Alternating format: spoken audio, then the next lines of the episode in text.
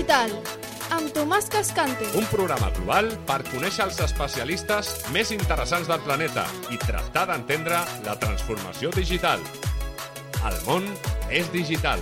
El món és digital, El món és digital. amb Tomàs Cascante. Hola, benvingudes i benvinguts un cop més al Món és Digital.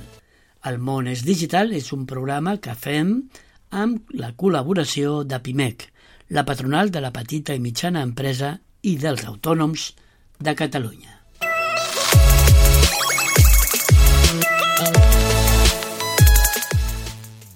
El món és digital, sens dubte, i això suposa que nosaltres i les nostres empreses, els nostres comerços, s'han de digitalitzar.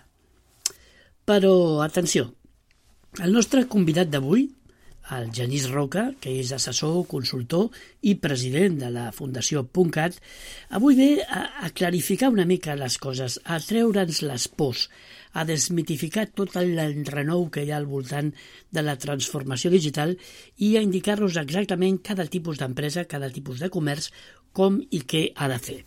Però vaja, no voldria fer un spoiler abans de començar el meu propi programa, per lo qual, sense més dilació, comencem. Bé, Genís, abans de tot, doncs, donar-te la benvinguda al programa. Molt content d'estar amb vosaltres. I la primera pregunta, abans d'entrar en detall sobre la transformació digital de la PIME i totes les eines i disciplines que l'envolten, potser ens agradaria saber, segons el teu punt de vista, en quina PIME, ai, en quina PIME no, amb quina mida la PIME catalana està digitalitzada o, o no està digitalitzada. Mira, es parla molt d'això, es parla molt de la necessitat de digitalitzar les empreses, siguin pimes o no siguin pimes. I jo crec que la majoria de les empreses, però sobretot les pimes, no tenen cap interès en digitalitzar-se. El que tenen interès és en tirar endavant el negoci. I quan tu detectes una oportunitat que et pot permetre anar millor, l'abraces. I llavors eh, la gent no té cap interès en digitalitzar-se. El que té interès és en vendre més, atendre millor els clients, eh, ser més eficient en la, en, la, en la gestió, en els processos, um, fer millor els processos de postvenda, arribar a més mercat. Uh, al final, els empresaris, pimes o no pimes, el que volem és tenir un, un negoci eficient i rentable. Quan abracem la tecnologia? Abracem la tecnologia quan creiem que ens pot ajudar a fer un negoci més eficient i més rentable. Bé, però per, per aquells que no, que, que no estan posats, la, et canvio la pregunta. En quina mida creus que tu que digitalitzar-se fa- afavoreix tots aquests punts que has esmentat fa un moment? És, és, és evident i estic segur de que la tecnologia actual ajuda a les empreses a ser més eficients, però sota l'etiqueta de digitalització ens han colat milongas, sobretot a les pimes. Per exemple, quan s'ha parlat de digitalitzar, a moltes pimes se'ls ha donat a entendre que el que havien de fer era estar a xarxes socials. I, per exemple, a la carnisseria del meu barri l'hem estat molestant, intentant convèncer-la de que seria bo que tinguessin un perfil a Instagram eh, i que fossin molt dinàmics. I jo tinc molts dubtes de que la carnisseria del meu barri eh, li surti a compte estar activa a Instagram. Perquè per, a, per, aquell, per aquell carnisser mm, tornar-se un instagramer no és natural, eh, començar a fer fotos en primer plano de la botifarra i de la llonganissa no és natural i no està clar eh, que en aquest cas concret això tingui un retorn en vendes. Eh, per tant, hem estat molestant a moltes pimes amb, amb coses molt concretes de la digitalització amb un retorn que no era gaire clar. Per exemple, tot el fenomen de xarxes socials. Les xarxes socials han sigut indiscutiblement rellevants, per exemple, per l'hoteleria o, per exemple, per la restauració, però per una botiga de vetes i fils o per una botiga de roba de, eh, que ven eh, faldes per senyores grans, eh, a mi, què vols que et digui, però dubto molt que obrir un perfil a Instagram sigui la, la cosa més interessant que poden fer en digitalització. I la majoria de serveis de suport, serveis promoguts amb la millor de les intencions des dels ajuntaments i des de les entitats, eh, han tractat a tothom per igual i han intentat convèncer a tothom que tothom tingués perfil en xarxes socials, que tothom tingués Instagram, que tothom tingués Twitter, que tothom tingués una web i que tothom tingués un carrito de la compra. I em sap greu, però no crec, eh, no sé, eh, per exemple, a totes les pimes els hi recomano mm, que controlin què surt quan les busco a Google. Però no els hi recomanaria a totes que tinguin Instagram. A una sí, a un, a un restaurant sí, uh, però a una botiga de xutxes no. Mm, no cal tenir Instagram a una botiga de xutxes. Llavors sembla que abans de digitalitzar-nos, com abans de fer moltes coses a la vida, potser cal documentar-nos o assabentar-nos i en aquest cas perquè anem perduts. Com ho fem? A part de trucar al Genís Roca, evidentment, però que, que, que, que, bueno, clar, sí, tu ets un consultor. No, jo, jo la, la meva recomanació sempre és la mateixa, que és eh, que el digital no et modifiqui la mètrica. Sigui, jo crec que el més important que ha de fer un empresari és ser fidel a la seva mètrica. Uh, què vull dir? Per exemple, jo tinc una sabateria. Uh, la mètrica de sempre a la meva sabateria havia sigut nombre de sabates venudes. Aquest matí he venut sis parells, ahir en vaig vendre set, demà en vendré tres. Uh, I aquesta mètrica jo l'entenc. Quan tu me dius que has venut quatre parells de sabates en un matí, jo et sé dir si ha sigut un bon matí o un mal matí. En canvi, a vegades els digitals canviem la mètrica i comencem a dir-li has tingut 200 pàgines vistes. I l'altre pobre diu i això és molt o poc? et pregunta a tu i tu li dius, no, 200 pàgines està molt bé, has d'estar molt content. 200 pàgines vistes en un dia és molt. I el que dic és, senyor empresari, no se'm despisti. La seva mètrica era nombre d'aparells venuts cada matí. Llavors, si vostè m'ha aconseguit 300 visites a la pàgina web, però no hem venut un punyetero aparell de sabates, vostè m'ha vingut amb una mètrica, 200 pàgines vistes, però la meva mètrica que són sabates venudes, no s'ha mogut. Llavors, tu fidel a la teva mètrica. Si algú et demostra que amb 500 pàgines vistes vens dos parells de sabates, pues el felicitaré, però la mètrica no és 500 pàgines vistes. La mètrica és dos parells de sabates venuts. Llavors, no t'escapis de la teva mètrica. Uh, I la mètrica de la PIME no accepta trampes. La mètrica de la gran empresa es pot enamorar de, de les pàgines vistes, la durada de la visita i coses d'aquestes, però la PIME no té temps per tonteries. Uh, fidel a la teva mètrica. Bé, però aquesta és una que em sembla realment un consell, un, un bon consell. Tu ves eh, zapatero a tus zapatos, no? Vull dir, el que te coneixes. Però molt bé, ha de tenir una pàgina web, no ha de tenir una pàgina web, ja, ja, va, ja estic baixant al, al mínim, no? Eh, un e-commerce o no un e-commerce, ja sé que em contestaràs que depèn, no? Però... No, però, però et contesto més bèstia.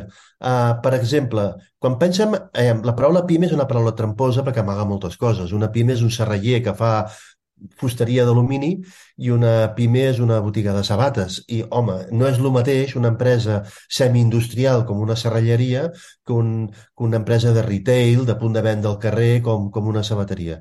Però, per exemple, anant a retail, anant a punt de venda, eh, anant a punt de venda el que serien mercats municipals, peixateries, fruiteries, carnisseries i aquest tipus de botigues. Per mi, una digitalització supercorrecta i ambiciosa és acceptar comandes per WhatsApp i pagaments per Visum. Val. Ni web ni carrito de la compra. O sigui, no m'imagino una, una carnisseria fent un carrito de la compra i un e-commerce. És que no m'ho imagino. Eh, en canvi, sí que m'imagino acceptant comandes per WhatsApp i pagaments per Visum. I la barrera d'inversió tecnològica i de coneixements necessaris per rebre comandes per WhatsApp i pagaments per Visum és tendent a zero.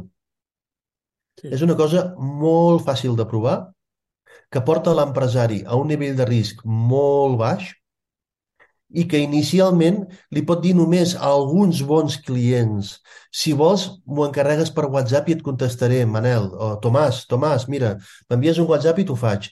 I si la cosa funcionés, ja posaré un lletrero a la botiga, a la, a, a la paret de la botiga. Uh, però uh, el temps de uh, intentar-ho provar-ho amb uns pocs clients i tal, eh, té un cost gairebé marginal, eh, l'exemple que t'he posat ara. En canvi, fer un carrito de la compra i tot això és un liu i una inversió que la majoria de pimes que jo conec de retail, punt de venda, eh, de, de l'exemple que estem posant ara, una fruiteria, una carnisseria, no es poden permetre.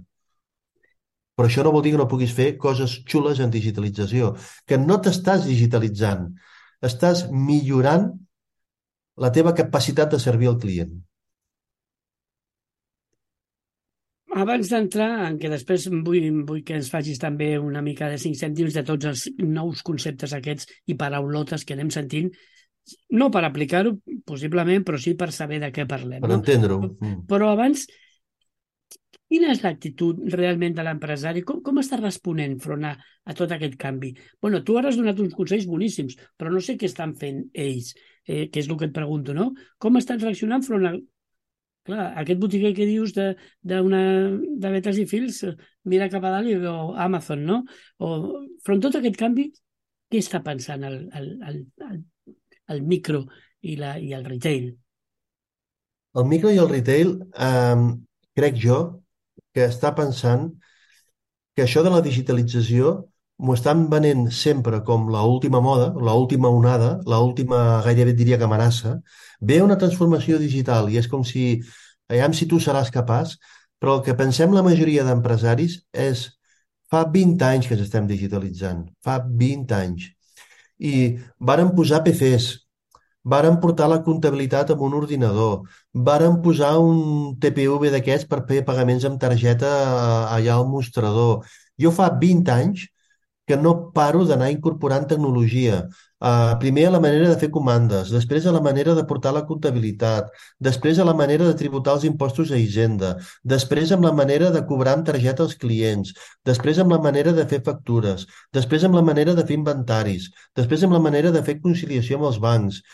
Una miqueta de respecte. Quan me diuen que t'has de digitalitzar, jo sempre contesto, perdona, fa 20 anys que em digitalitzo. Uh, uh, no he deixat de fer-ho i no deixaré de fer-ho. Què és el que demanen la majoria d'empresari PIME? Molt de pragmatisme, perquè el que hi ha és un nivell de tonteria insuportable. Cada sis mesos passa un motivat que hiperventila eh, i entra a la botiga i els diu, us heu de fer un Pinterest, us heu de fer un Instagram, us heu de fer una web, us heu de fer un no sé què, heu de fer SEO, heu de fer SEM. I han vingut tantes vegades amb tonteries que ara cada vegada que ve algú, què fa l'empresari?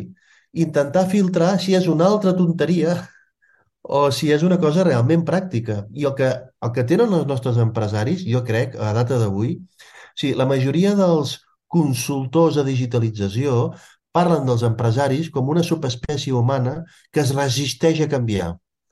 I és absolutament fals i injust. Uh, la majoria dels empresaris que avui encara tenen la botiga oberta Fa 20 anys que no, fan, que no paren de fer processos d'incorporació a tecnologia i, i d'adopció. El que necessiten és ser molt pragmàtics. Jo no conec gaires pimes que tinguin temps, diners i energia per gastar. Uh, llavors, tenen que ser... Són, són molt pragmàtics. Fan servir el que creuen que necessiten. I cada vegada que expressen dubtes, no és perquè no ho hagin entès, és perquè no creuen que ho necessitin i jo crec que en molts casos tenen raó. La carnisseria del meu poble no necessita un Instagram. Uh, I et prometo que li han intentat convèncer 15 vegades. I quan fan el uh, test de competències digitales, li diuen, ¿tienes Instagram? I contesta no, li posen un punt negatiu. Uh, uh, jo crec que és un punt positiu que no hagi fet un Instagram, perquè el poc temps que té no l'ha d'invertir en, en, en fer un Instagram. En altres casos, sí. Uh, si, si, estic, si, ho he dit abans, eh? si tinguessis un restaurant, et recomano que estiguis molt atent a, a, a aquest canal. Però si tens una botiga d'esports, de, de, no. No et preocupis per Instagram.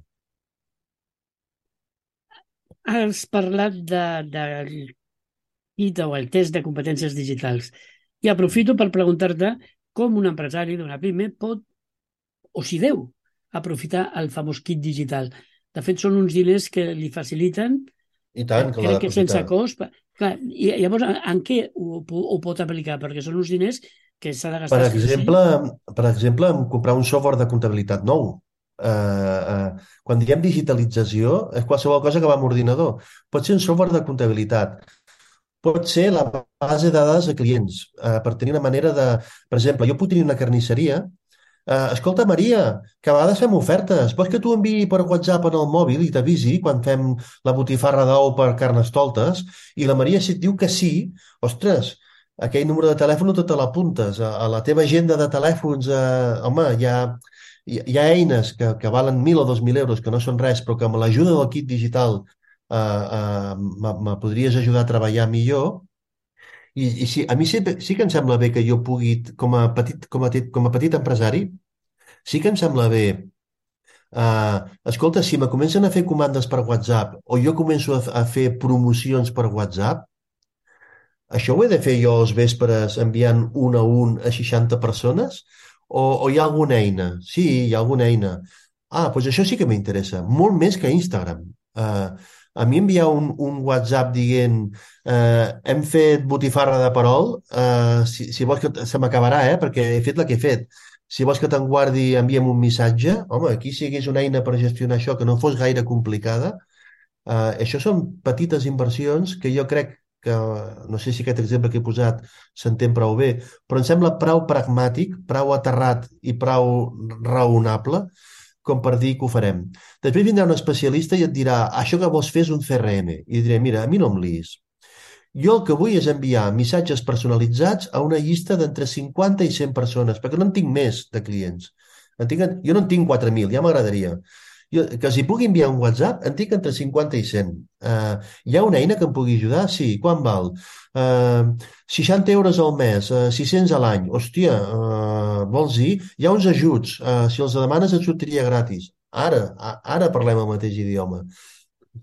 Bé, m'agrada, m'agrada realment que siguis tan dur però, i tan clar, perquè realment estàs fent un favor a moltíssima gent que s'està sentint que no s'estiguin per, per tonteries perquè segons quines coses doncs, avui poden ser considerades tonteries.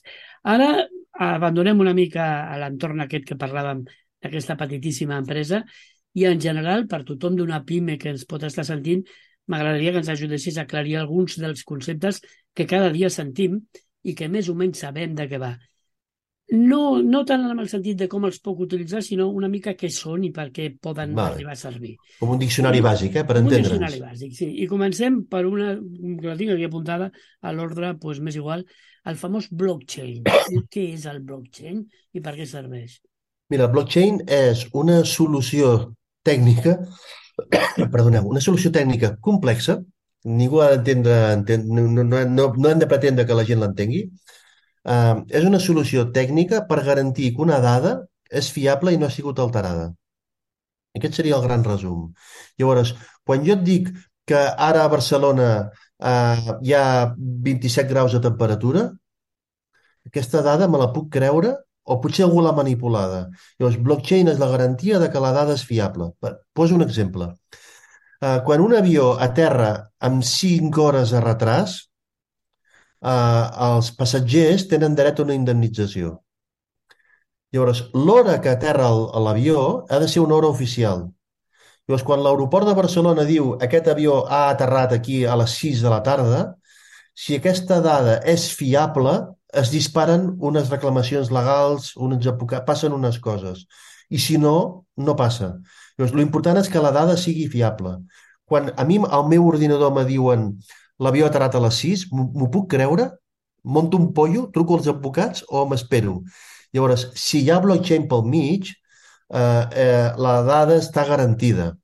És un resum molt poc ortodox, eh, el que he fet ara, però per mi blockchain és una manera de donar garantia a la informació. Val. I si petit... això fos cert, i si això fos cert, és indispensable, és indispensable, perquè ara que tot és digital, la confiança en la dada és crítica. Eh, sí, per descomptat. Mm, podríem parlar també de descentralització, però aparquem-ho. Una altra superparaulota, que no sé ben bé què fa i què deixa de fer, la famosa intel·ligència artificial. Mira, és, és, eh, aviam si ho puc explicar fàcil. Tots sabem el que és un software. Un software és un programa informàtic. Què és un programa informàtic? Un programa informàtic és s'executen unes ordres eh, d'acord a un codi escrit, a un programa escrit. Quina és la diferència entre un programa informàtic i una intel·ligència artificial? A un programa informàtic jo li dic, quan el preu de la carn baixi de 12 euros quilo, compra. I, en canvi, si puja per damunt de 18 euros quilo, deixa de comprar. Llavors, sóc jo, amb la meva experiència, que he donat les instruccions en el programa. Per sota de 12 compra, per, so, per sobre de 18 deixa de comprar. Què és una intel·ligència artificial? Exactament el mateix, però la decisió de que a partir de 12 o de 18 deixis de comprar o deixis de vendre, la pren la màquina tota sola, en lloc d'haver-li ensenyat jo. Llavors, la màquina tota sola estudia la fluctuació dels mercats i la màquina tota sola elabora les regles de joc del programa. No sé si m'he explicat. Sí, sí, doncs, sí, sí, un sí. programa informàtic, els paràmetres els hi he donat jo, a una intel·ligència artificial, els paràmetres els de dedueix, els dedueix la pròpia màquina. Sí. Què té de perillós? Que ha arribat a decisions que tu no controles. Per exemple, tu podries dir eh, per sobre de 18 no compris, però és en Manel, compra-li algú, perquè si no, pobre Manel es quedarà fotut. Eh, eh, eh, aquesta decisió de no comprar-li res més a en Manel eh, l'ha pres la màquina tota sola i, i, i tu eh, no n'eres conscient. Llavors hi ha un problema de qui és el responsable d'una intel·ligència artificial? Qui és el responsable d'aquelles decisions que les ha pres la màquina tota sola? Llavors hi ha un debat mm, gairebé diria que filosòfic. No, no, sí, sí, hi ha superdebats sobre intel·ligència artificial i, i ja no parlem d'armament o de coses que pot controlar una intel·ligència artificial. Una altra paraulota, espera, mm, Big Data, Big Data, les, les dades, el famós valor que se li està donant ara a les dades, que potser molts negocis tenen dades que ni saben que tenen un, un valor o que poden servir. Mira, hi ha moltes empreses que quan els diuen el Big Data és important, s'haurien d'aixecar i, i, i, i fotre una bufetada o ofendre-se. Perquè hi ha molts negocis que fa molts anys que treballen amb moltes dades. Molts. Um, és cert que ara hi ha més dades que mai i que, per tant, si tu tinguessis la capacitat de sumar i restar i tenir en compte totes les dades que avui hi han, hòstia, tindries una capacitat realment important, perquè hi ha moltes dades. Jo crec que la paraula Big Data ha fet molt de mal, perquè ha posat l'accent en el big, com si tenir moltes dades fos important. Jo crec que és trampa. Jo, si ho volem fer en anglès, jo crec que és molt més important fast data que no pas big data. Lo realment important ara no és que facis servir moltes dades, sinó quan tardes a prendre decisions. Si tu tens moltes dades, però tardes dos mesos a mirar-t'ho i a prendre decisions, no ets gaire interessant. El més interessant és, tinguent en compte la informació, quan tardes en prendre una decisió. Això és rellevant. Llavors, per mi, em fa més gràcia fast data que big data. Quan tardes en prendre una decisió? Informada.